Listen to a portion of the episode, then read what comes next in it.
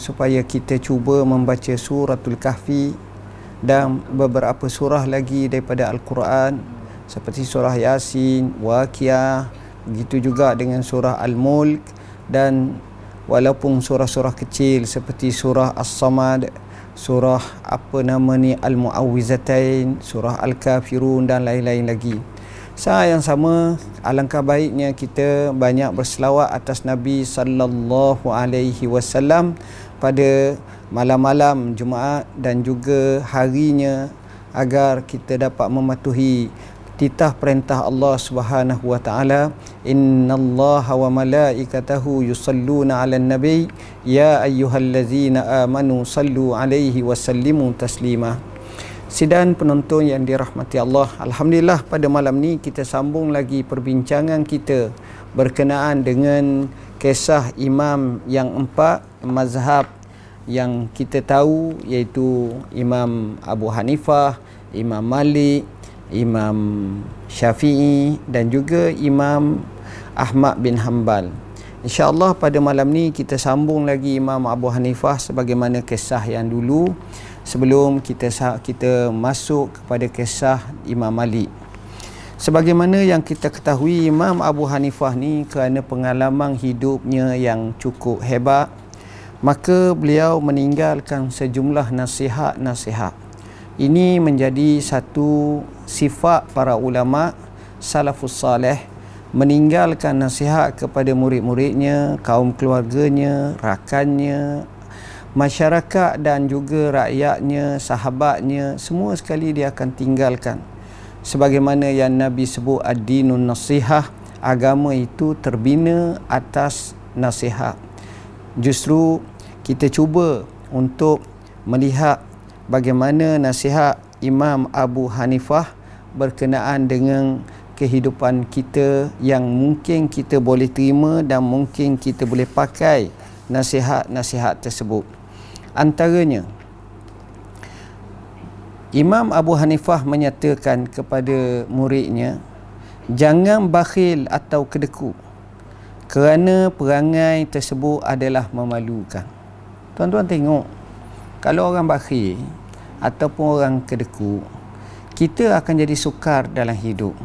Sepatutnya dia bayar sepatutnya dia keluarkan duit sepatutnya dia sedekah sepatutnya dia bantu tapi dia biarkan. Jadi sempena dengan COVID-19 ni setidak-tidaknya kita cuba bantu dan saling bantu membantu antara satu sama lain akan memberi kesan yang cukup baik. Nasihat seterusnya Imam Abu Hanifah berkata jangan tamak dan berdusta malah kamu hendaklah menjaga maruah dalam kehidupanmu. Kerana sifat orang yang tamak ni galibnya mereka akan bermasalah dan mereka akan rugi dan mereka akan menghinakan diri mereka. Sedangkan orang yang berdusta pula sudah barang tentu sifat kedustaan itu akan memakan dirinya. Hari ini dia kata lain, besok dia kata lain, lusa dia kata lain. Jadi orang akan jadi tak tahu yang mana nak dipegangnya.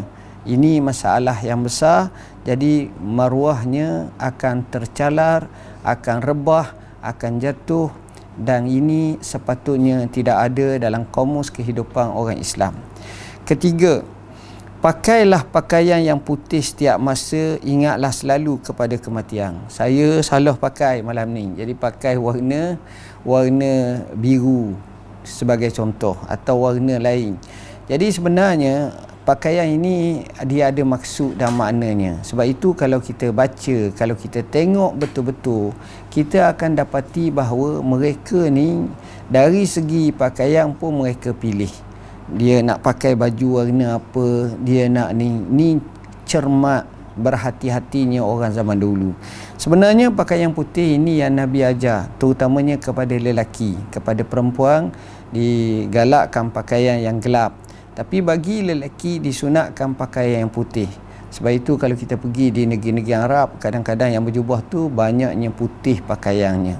Dan pakaian putih ni banyak lambangnya. Kebersihan, kesucian, begitu juga kita kata fitrah dan semoga tafaul pakaian ini akan juga menjernihkan dan juga memutihkan hati seseorang itu.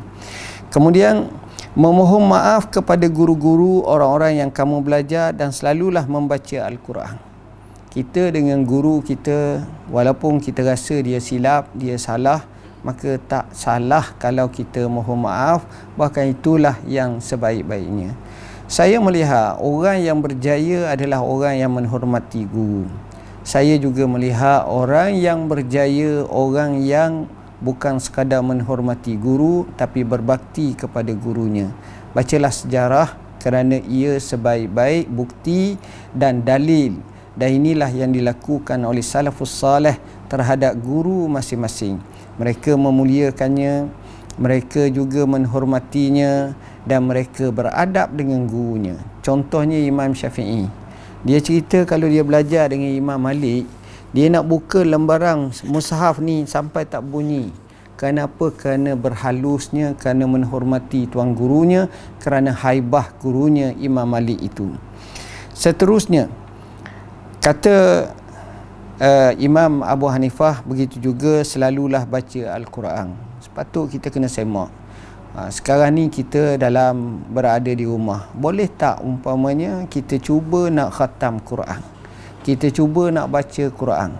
Kita cuba nak kaji Al-Quran dengan cara kita tengok ulama-ulama yang mentafsirkan Al-Quran. Maka di situ walaupun kita dalam rumah yang tidak luas tapi kita mempunyai ufuk minda yang luas, ilmu dan maklumat yang luas. Selalulah menziarahi kubur, guru dan juga tempat-tempat keberkatan. Ini akan menginsafkan kita tapi bukanlah waktu yang kita dalam keadaan kuarantin seperti ini atau kawalan dalam rumah maka seelok-eloknya ziarah selepas daripada apa yang dikatakan waktu yang kita dibenarkan. Ha, ini penting supaya kita mematuhi arahan daripada pihak yang berkuasa melihat kepada maslahat untuk rakyat dan juga negara kita ini. Kemudian terimalah dengan baik sekiranya diberitakan mimpi melihat Rasulullah SAW juga mimpi orang-orang saleh di masjid dan di tempat yang barakah. Ini berkenaan dengan kita dengar kesahan mimpi yang baik-baik. Ha, mimpi dia adalah bushra, satu berita gembira kepada orang beriman dan dia bukan menjadi hujah ataupun kita kata menjadi dalil tetapi menjadi ketenangan kegembiraan pada hati. Ini yang diputuskan diputuskan oleh ulama usul fiqh dan ulama syariah. Kemudian seterusnya menjauhkan diri daripada orang-orang yang tidak baik dan campurilah mereka dengan tujuan memberi nasihat atau menyeru mereka kepada agama Islam. Kita berkawan sebagai tanda itulah perangai kita, akhlak kita, budi kita, perilaku kita. Nak kenal siapa kamu, lihat siapa kawan kamu. Itu sebagaimana kata pujangga. Justru pilih kawan-kawan yang baik. Pilih kawan-kawan yang benar-benar menginsafi, mentaati Allah Subhanahu wa taala kerana Nabi SAW bersabda al-mar'u ala dini khalilih falyanzur ila man yukhalil manusia di atas agama rakannya. Tengok siapa dia yang dia rakankan. Kalau orang baik maka baik. Kalau tak maka tak. Cari yang terbaik. Janganlah memaki hamung atau mencela. Selalu dengan bahasa yang kesak bahasa memaki hamung bahasa memperlekehkan. Maka sini adalah ajaran yang bertentangan dengan Islam. Setiap apa yang kita ucapkan setiap apa yang kita cakapkan itu adalah lambang kita dan kehidupan kita. Cakaplah dengan bahasa yang baik cakaplah dengan tutur kata yang baik sebagaimana perman Allah Taala wa qulu linnasi husna. Mencakaplah dengan manusia dengan bahasa yang baik kerana itu ada kelebihan dan lambang untuk kebaikan bagi diri kamu Kemudian menjaga rahsia-rahsia jiran tetangga dan jangan menyebarkan rahsia orang ramai. Kita dalam hidup ni, kita jangan sekali-kali cuba menyebarkan rahsia orang. Ha, aib jiran tetangga, aib suami, aib isteri, aib anak, aib ibu bapa, sepatutnya kita tutup. man satara musliman satarahullahu yaumal qiyamah siapa yang menjaga atau menutup aib seorang Islam maka Allah akan tutup aibnya sendiri. Hendaklah pada hari kiamat kelak hendaklah kaya hati dan jangan mengambil berat tentang hidup dunia bersikap kaya dan jangan bersikap miskin sekalipun engkau seorang yang miskin. Ini penting. Kita kena kaya hati. Kerana apabila kita kaya hati maka kita akan jadi orang yang tenang Masalahnya kita nak kaya harta tapi hati kita miskin. Ini bala dan ini tidak memberi manfaat kepada diri kita. Tak cukup dengan itu, kita juga kena bersikap kaya. Apa makna bersikap kaya? InsyaAllah orang bagi kita ambil, orang tak bagi kita tak kisah pun. Sebab kita rasa insyaAllah mungkin orang lain jauh lebih berhak dan lebih berkeperluan daripada kita.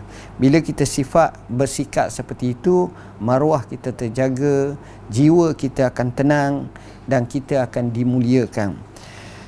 Ketika berjalan di jalan raya, jangan berpaling ke kiri atau ke kanan, tetapkan perjalanan dengan memandang ke bumi ini berjalan lah. Jalan raya ke jalan apa pun straight jalan. Ni kita ni kadang-kadang bersimpang siu tengok kiri kanan banyak sangat.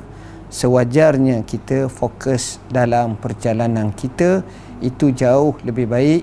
Dan juga jangan menyombong jangan bertakabur dalam perjalanan.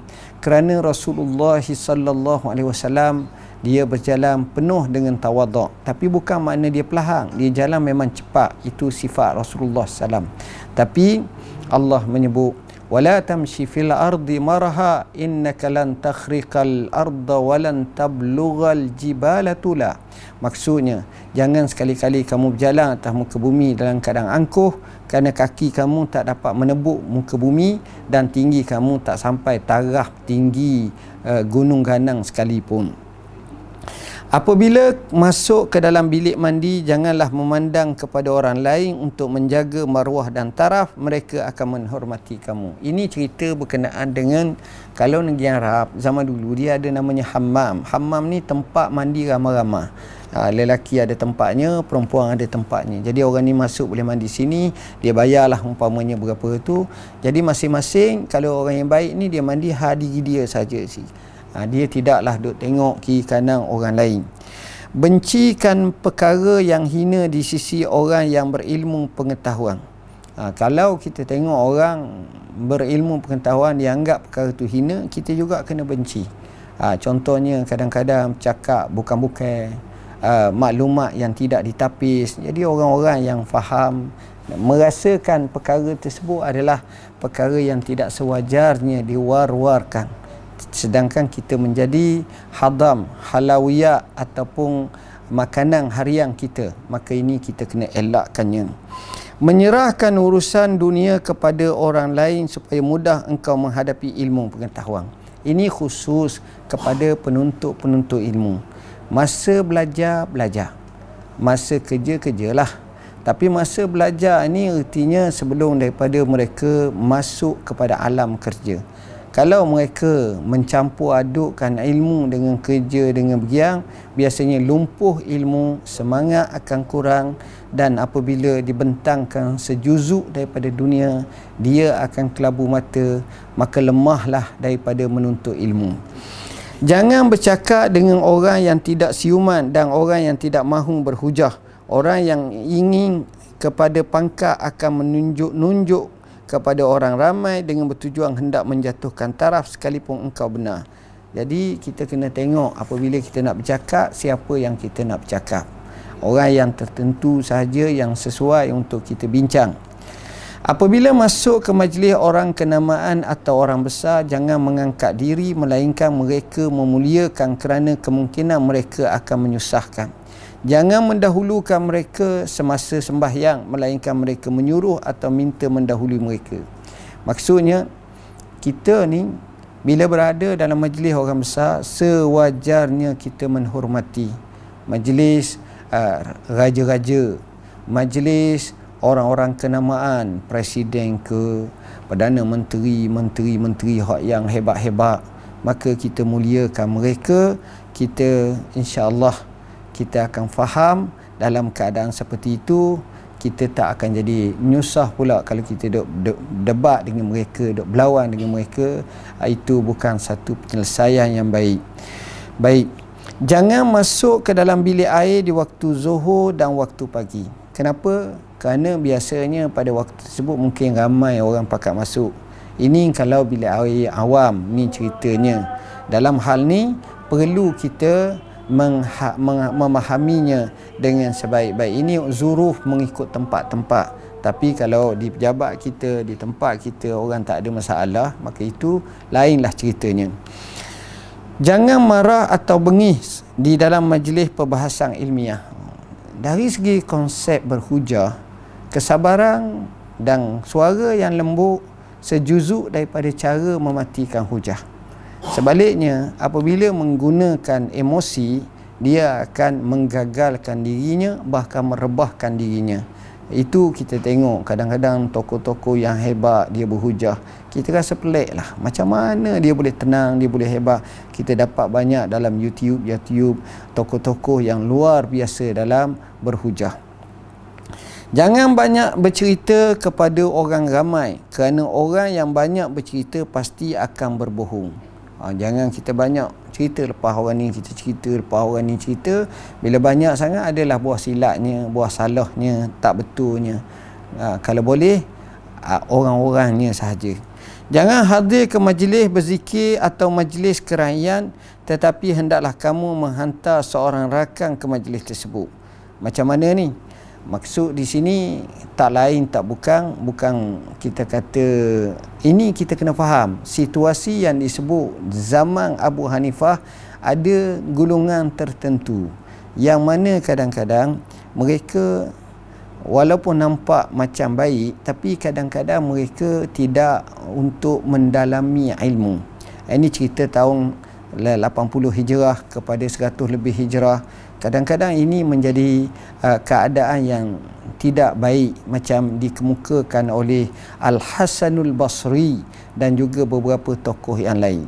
Sebab itu pilihlah majlis yang kalau kita kata majlis zikir dengan makna ilmu atau zikir yang benar-benar mendekatkan diri kita kepada Allah dan majlis keramaian ini maknanya keramaian yang kadang-kadang kita tengok sebab masing-masing duk bercakap. Bila lama je cerita hal peribadi orang ni orang tu akan timbul pula umpatan seumpamanya.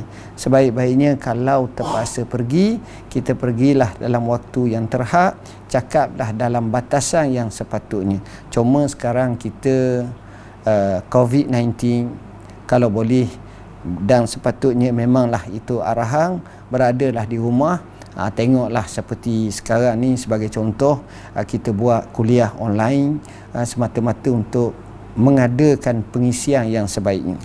Imam Abu Hanifah menyatakan menyerahkan segala urusan nikah kahwin kepada khatib begitu juga untuk yang hadir sembahyang jenazah. Menyerahkan urusan nikah kahwin kepada khatib. Apa makna?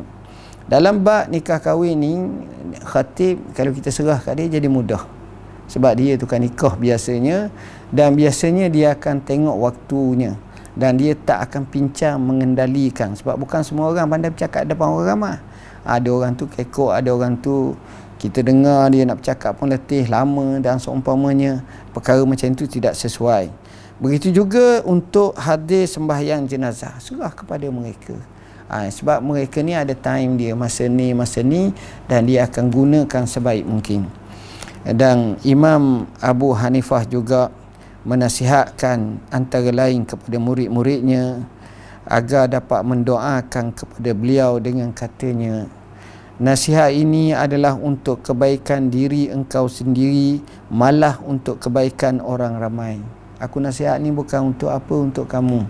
Ha, perangai tok-tok guru yang hebat zaman dulu dia tengok masyarakat anak-anak murid tak betul dia nasihat sekecil-kecil nasihat sampai sebesar-besar. Saya pernah teringat kata Syekh Muhammad Awamah, orang alim besar daripada Syria yang belajar dengan Syekh Abdullah Sirajuddin, Syekh Abdul Fattah Abu Ghudah yang juga seorang yang hebat dikatakan beliau ni uh, belasa belajar di halap pegang buku sebelah begini maka tok gurunya pergi kat dia ambil buku tu letak di tangannya suruh pegang sebelah tangan kanan. Begitulah cara adab mereka sekecil-kecilnya diajar. Sidan penonton yang dirahmati Allah. Imam Abu Hanifah meninggal dunia sekitar tahun 150 Hijrah. Ada kata 151 Hijrah. Tetapi Imam An-Nawawi menyatakan bahawa beliau meninggal dunia semasa dalam tahanan dalam tahanan dan sebelum menghembuskan nafas yang terakhir beliau berpesan mayatnya dikebumikan pada perkuburan yang baik. Masa tu pemerintah bernama Abu Ja'far Abu Mansur di mana pemerintah pada waktu itu mendengar pesanan tersebut dan dia merasa cukup sedih dan dia berkata siapa yang dapat meminta kemaafan bagiku dari Abu Hanifah semasa hidup dan matinya? Kata para ulama antaranya Abu Has Al-Hasan dan Ammarah menyebut serta rakan-rakannya yang memandi mayat Imam Abu Hanifah. Beliau dipuji tentang ibadat puasa tahajud di waktu malam dan membaca Quran. Ini kita telah bincangkan pada malam lepas Orang ramai hadir untuk mengiringi jenazah Imam Abu Hanifah. Ada kata lebih daripada 50 ribu orang yang menyembahyangkan jenazahnya. 50 ribu orang tuan-tuan. Cerita zaman lebih kurang dalam 1300 tahun lepas. Dia meninggal 1150 hijrah. Lebih kurang 1300 tahun lepas. Macam mana orang seramai itu datang dan di sini juga kata ulama kamu nak kenal antara orang tu baik tak baik kamu tengok masa jenazahnya diiringi. Ramai orang soleh jenazahnya diiringi dengan ramai orang. Seperti Imam Syafi'i seperti Imam Ahmad contohnya seperti Imam Al-Bukhari rahimahullah dan lain-lain lagi. Sembahyang tersebut dilakukan sebanyak enam kali dan yang terakhir disolatkan oleh anaknya Hamad anaknya sendiri sembahyang untuk abahnya Imam Abu Hanifah. Berlaku satu peristiwa aneh iaitu Abu Ja'far Al-Mansur khalifah yang memenjarakannya juga serta sembahyangkan jenazahnya. Di sembahyang juga. Ha, ini luar biasa Imam Abu Hanifah dan dia telah dikebumikan di perkuburan Al-Khayzaran di timur bandar Baghdad ini, ha, ini tempat kubur Imam Abu Hanifah. Tuan-tuan dan puan-puan yang dirahmati Allah, mungkin yang terakhirnya saya nak bincangkan sikit berkenaan dengan pujian ulama terhadap Imam Abu Hanifah. Abdullah ibn Al-Mubarak berkata, tidak aku lihat seorang lelaki yang lebih hebat dalam majlisnya, lebih baik keterampilannya dan lebih santun daripada Abi Hanifah. Tengok. Abdullah bin Mubarak ni ulama besar. Dia puji macam mana Imam Abu Hanifah orang ni lebih hebat dalam majlisnya, lebih baik keterampilannya, lebih santun daripada tak ada dah. Tu. Maknanya kita jarang hadir dalam majlis seperti ini kerana majlis seperti ini penuh dengan barakah, penuh dengan rahmah. Sufyan Ats-Tsauri rahimahullah berkata, aku pulang daripada menemui Abu Hanifah daripada sefakih-fakih manusia di muka bumi. Tengok. Saya suka sebut kumpul ilmu satu perkara lain. Fakih dalam ilmu satu perkara yang lain. Sebab itu Imam Abu Hanifah bila sebut fiqah dia kata ma'rifatus syai' ma laha wa ma 'alaiha. Mengetahui sesuatu tu dalam keadaan sungguh apa yang menjadi kebaikan atau yang menjadi kerosakan kepada sesuatu. Dia tahu, dia timbang, itu maknanya fakih. Itu maknanya orang yang fiqah, orang yang fakih. Orang yang fakih, tindakannya itu akan dinampakkan rizak dan natijahnya betul. Itulah keadaan Imam Abu Hanifah. Waqi' Ibn Jarrah menyifatkan Imam Abu Hanifah dia kata seorang yang mempunyai amanah yang tinggi hati yang selalu zikrullah Alhamdulillah Allah Akbar La ilaha illallah La ilaha illallah. Dan di samping mencari keredaan Allah lebih dahulu daripada nyawanya sendiri sekalipun terkadai di hujung mata pedang. Inilah orang yang hebat tuan-tuan. Kita harap kita boleh doa kepada Allah. Mudah-mudahan kita menjadi orang yang istiqamah dengan kebenaran dengan semangat untuk menjadikan diri hamba Allah yang sebenarnya. Al-Amash apabila ditanya tentang masalah berkata sesungguhnya yang lebih menjawabnya ialah Nu'man bin Sabit. Kalau mu nak tanya aku orang yang lebih layak jawab Abu Hanifah. Tu dia mengakui tentang ilmu Imam Abu Hanifah. Bahkan dia kata aku sangkanya beliau diberkati dalam ilmunya. Hebatlah. Aku tengok cara dia mengajar, cara dia jawab, cara dia berhujah, cara dia bercakap. Aku yakin dia diberkati ilmu. Orang macam ni jarang. Dan inilah yang disebut dalam Syiar Alan Nubala dalam jilid yang ke-6 ke surat 403. Al-Qadhi Abu Yusuf berkata, Al-Qadhi Abu Yusuf ni anak murid kepada Imam Abu Hanifah. Abu Hanifah khatam Quran setiap malam hanya dalam satu rakaat. Ini baca lama khatam Quran. Mengikut Yahya bin Abdul Hamid Al-Hammani bahawa Abu Hanifah khatam Quran setiap malam di waktu sahur dan diriwayatkan bahawa Abu Hanifah sepanjang hidupnya khatam Quran sebanyak 700 kali. Itu kelebihan eh, 7000 kali. Ha, ini Abu Hanifah. Maknanya tuan-tuan dia loba baca Quran. Ibnu Jurayj merupakan imam ahli Mekah pernah berkata selepas melihat Imam Abu Hanifah sesungguhnya dia seorang yang fakih sesungguhnya dia seorang yang fakih kita tengok orang tu dia bercakap bila dia berhujah. Dan kefakihan tu nampak lagi apabila dia bertindak. Maka kita nampak tentang kefakihan yang sepatutnya wujud pada diri kita. Imam Syafi'i berkata orang ramai dalam fiqh adalah anak buah kepada Abu Hanifah mereka ni tak boleh lari. Mereka bergantung. Mereka juga akan tengok kelebihan Imam Abu Hanifah ini. Fudai bin Iyad berkata Abu Hanifah seorang yang fakih ha, ni kalimah fakih ni jarang orang miliki tapi apabila kita tengok orang memiliki fakih tindakannya penuh dengan kefiqahan dengan kebijaksanaan dengan kita kata kesesuaian mengikut masa, tempat, keadaan itulah orang yang fakih sebenarnya. Qais ibn Ar-Rabi' berkata adalah Abu Hanifah seorang yang warak lagi bertakwa pemurah terhadap rakan-rakannya. Orang yang baik sangat orang yang tak kedeku. Malih ibn Waqi' berkata demi Allah Abu Hanifah merupakan seorang yang besar amanahnya mulia serta mencari keredaan Allah. Keredaan Allah ni Imam Abu Hanifah orang pakat puji biasanya Allah letakkan pujian pada lidah-lidah manusia lebih-lebih lagi yang baik tanda bahawa orang itu adalah orang yang baik. Al-Hammani berkata aku dengar bapaku berkata aku bermimpi melihat tiga bintang jatuh. Orang zaman dulu kadang-kadang macam kita bincang semalam lah mimpi.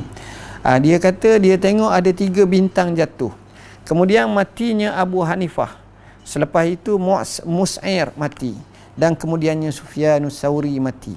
Dikhabarkan kepada Muhammad bin Muqatil, kemudian beliau berkata ulama itu adalah bintang-bintang di dunia ini di muka bumi.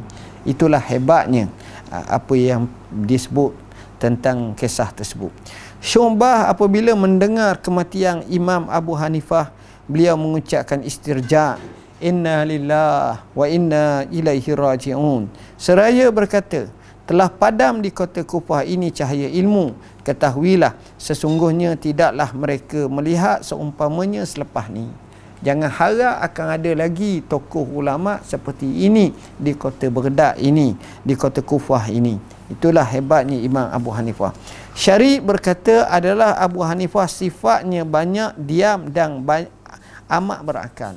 Ha, perangai Abu Hanifah ni dia kalau dalam majlis dia banyak senyap. Diam tapi orang yang amat berakal cerdik. Abu Asim An-Nabil berkata Abu Hanifah dikenali sebagai Al-Watid. Ini kerana dia salat sunat terlalu banyak. Semayang lama sungguh semayang. Banyak sangat semayang sunat. Abu Muawiyah Ad-Darir berkata sayang kepada Abu Hanifah termasuk dalam sunnah. Sebab dia orang yang menghidupkan sunnah beramal dengan sunnah dan hidupannya adalah sunnah Ali bin Asim berkata kalau ditimbang imam eh, ilmu Imam Abu Hanifah dengan ilmu ahli zamannya nescaya lebih berat ilmu Imam Abu Hanifah. Ni hebatnya Imam Abu Hanifah. Hafiz Ibn Riyad berkata kalam Abi Hanifah dalam ilmu fiqah lebih halus dan seni daripada syair. Bahasa. Kalau kita kaji betul-betul mereka ni dia seni dia hebat dia. Tidak mengaibkannya kecuali orang yang jahil cara dia cakap cara dia berhujah cara dia memulakan kalam-kalamnya cukup indah Imam Nawawi menceritakan pengakuan Abdullah bin Al-Mubarak terhadap Imam Abu Hanifah seraya berkata tak ada lagi majlis yang lebih bersih dan baik daripada majlis Abu Hanifah ah, dengan penuh kebaikannya. Imam Zahabi berkata imamah atau kepimpinan dalam fiqah dan cabang seninya diserahkan kepada Imam Abu Hanifah. Itulah kelebihan Imam Abu Hanifah kalau kita nak banding dengan orang lain jauh daripada yang lain semua sekali dan kita faham Imam Abu Hanifah ni seorang tokoh yang cukup hebat dan tuan-tuan bolehlah baca dalam buku ini insya-Allah jika diberi kesempatan kita akan sambung pada malam esok berkenaan dengan Imam Malik rahimahullahu taala. Dan kita ambillah masa dua minggu ini kita baca tokoh-tokoh yang hebat supaya kita mengambil apa yang Nabi uh, ajar kepada kita yang menyebut bahawa al ulama warasatul anbiya fa innal ulama lam yuwarisu dinaran wala dirhama walakin warasul ilma faman akhazahu fakan akhaza bihazin wafir. Maksudnya ulama itu pewaris para nabi mereka tidak meninggalkan dinar dan dirham tapi mereka mewariskan ilmu siapa yang ikutnya ataupun mengambilnya yakni ilmu dia telah mengambil dengan bahan yang secukupnya. Sidan penonton yang dirahmati Allah pada malam ni juga saya nak ajak tuan-tuan kita berada berhampiran dengan waktu yang dipanggil sebagai Isra' dan Mi'raj bulan Rejab yang mulia. Kita juga berada pada malam Jumaat maka gunakanlah pada hari Jumaat, malam Jumaat uh, untuk kita selawat kepada Nabi sallallahu alaihi wasallam. Kita baca Al-Quranul Karim dan juga kita tadabbur ayat-ayat Al-Quranul Karim. Insya-Allah jika dimasakan kepada kami pada waktu 8 dan pada waktu kosong kami akan cuba merakamkan untuk sama-sama kongsi sejuzuk daripada ilmu. Mudah-mudahan ia memberi kekuatan pada kita pada malam yang baik macam ini marilah sama-sama kita menyucikan hati kita membersihkan hati kita untuk kita bertawajuh dan munajat kepada Allah. Agar Allah menjadikan bumi Malaysia ini khususnya dan dunia seumumnya supaya Allah lempah ruahkan dengan rahmat kasih sayangnya dan Allah hendarkan daripada kita wabak yang cukup uh, tragis ini COVID-19 mudah-mudahan Allah jadikan kita semua dalam keadaan sehat dalam keadaan baik dalam keadaan kebaikan yang puncak bahkan dalam keadaan kesatuan dan kita saling kasih mengasihi antara satu sama lain. Akhir kalam seperti biasa saya nak ajak tuan-tuan kita berdoa kepada Allah pada malam Jumaat ini dan kita tahlil ringkas kita mudah-mudahan sama-sama kita dapat manfaat daripada majlis ini dan juga doa serta zikir ringkas kita. Al-Fatihah. أعوذ بالله من الشيطان الرجيم بسم الله الرحمن الرحيم الحمد لله رب العالمين الرحمن الرحيم مالك يوم الدين إياك نعبد وإياك نستعين اهدنا الصراط المستقيم صراط الذين أنعمت عليهم غير المغضوب عليهم ولا الضالين أفضل ذكر لا إله إلا الله لا إله إلا الله لا إله إلا الله لا إله إلا الله لا إله إلا الله لا إله إلا الله لا إله إلا الله لا إله إلا الله لا إله إلا الله لا إله إلا الله لا إله إلا الله لا إله إلا الله لا إله إلا الله لا إله إلا الله لا إله إلا الله لا إله إلا الله لا إله إلا الله لا إله إلا الله لا إله إلا الله لا إله إلا الله لا إله إلا الله لا إله إلا الله لا إله إلا الله لا إله إلا الله لا إله إلا الله لا إله إلا الله لا إله إلا الله اللهم صل على سيدنا محمد اللهم صل عليه وسلم Allahumma salli ala sayyidina Muhammad Allahumma salli alaihi wa sallim Allahumma salli ala sayyidina Muhammad Allahumma salli alaihi wa sallim Allahumma salli ala sayyidina Muhammad Allahumma salli alaihi wa sallim Allahumma salli ala sayyidina Muhammad Allahumma salli alaihi wa sallim Allahumma salli ala sayyidina Muhammad Allahumma salli عليه وسلم أستغفر الله العظيم وأتوب إليه أستغفر الله العظيم وأتوب إليه أستغفر الله العظيم وأتوب إليه لا إله إلا الله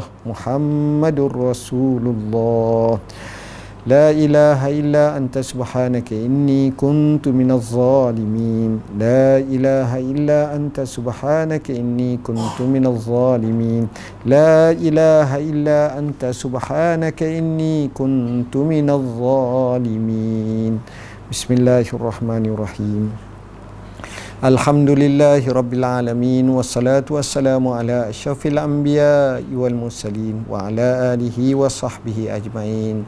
Allahumma ya qadi al hajat Wa ya alim al khafiyat Wa ya mujib al da'wa Istajibillahumma du'a'ana.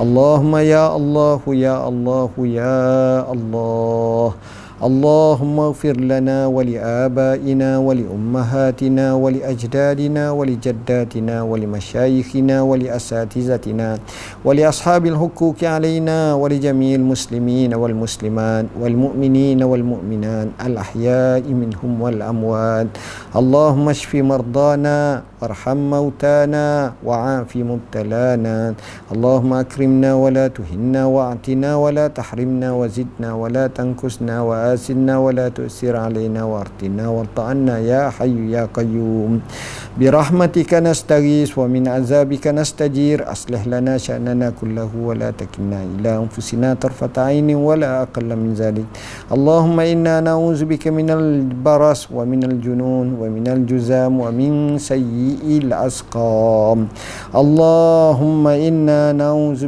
بكلمات الله التامات من شر ما خلق اللهم اهدنا فيمن هديت وعافنا فيمن عافيت وتولنا فيمن توليت وبارك اللهم لنا فيما أعطيت وكنا برحمتك شر ما قضيت وكنا برحمتك شر ما قضيت وكنا برحمتك شر ما قضيت.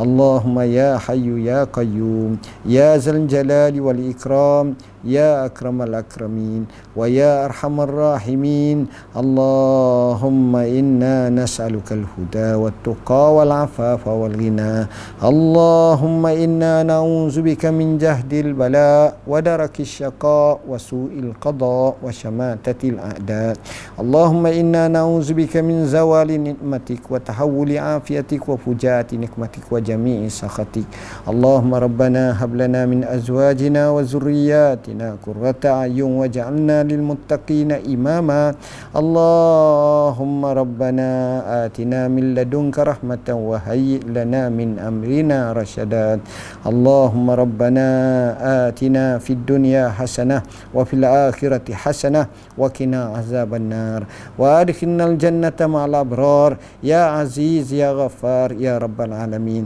وصلى الله على سيدنا محمد وعلى آله وصحبه وسلم والحمد لله رب العالمين تقبل الله منا ومنكم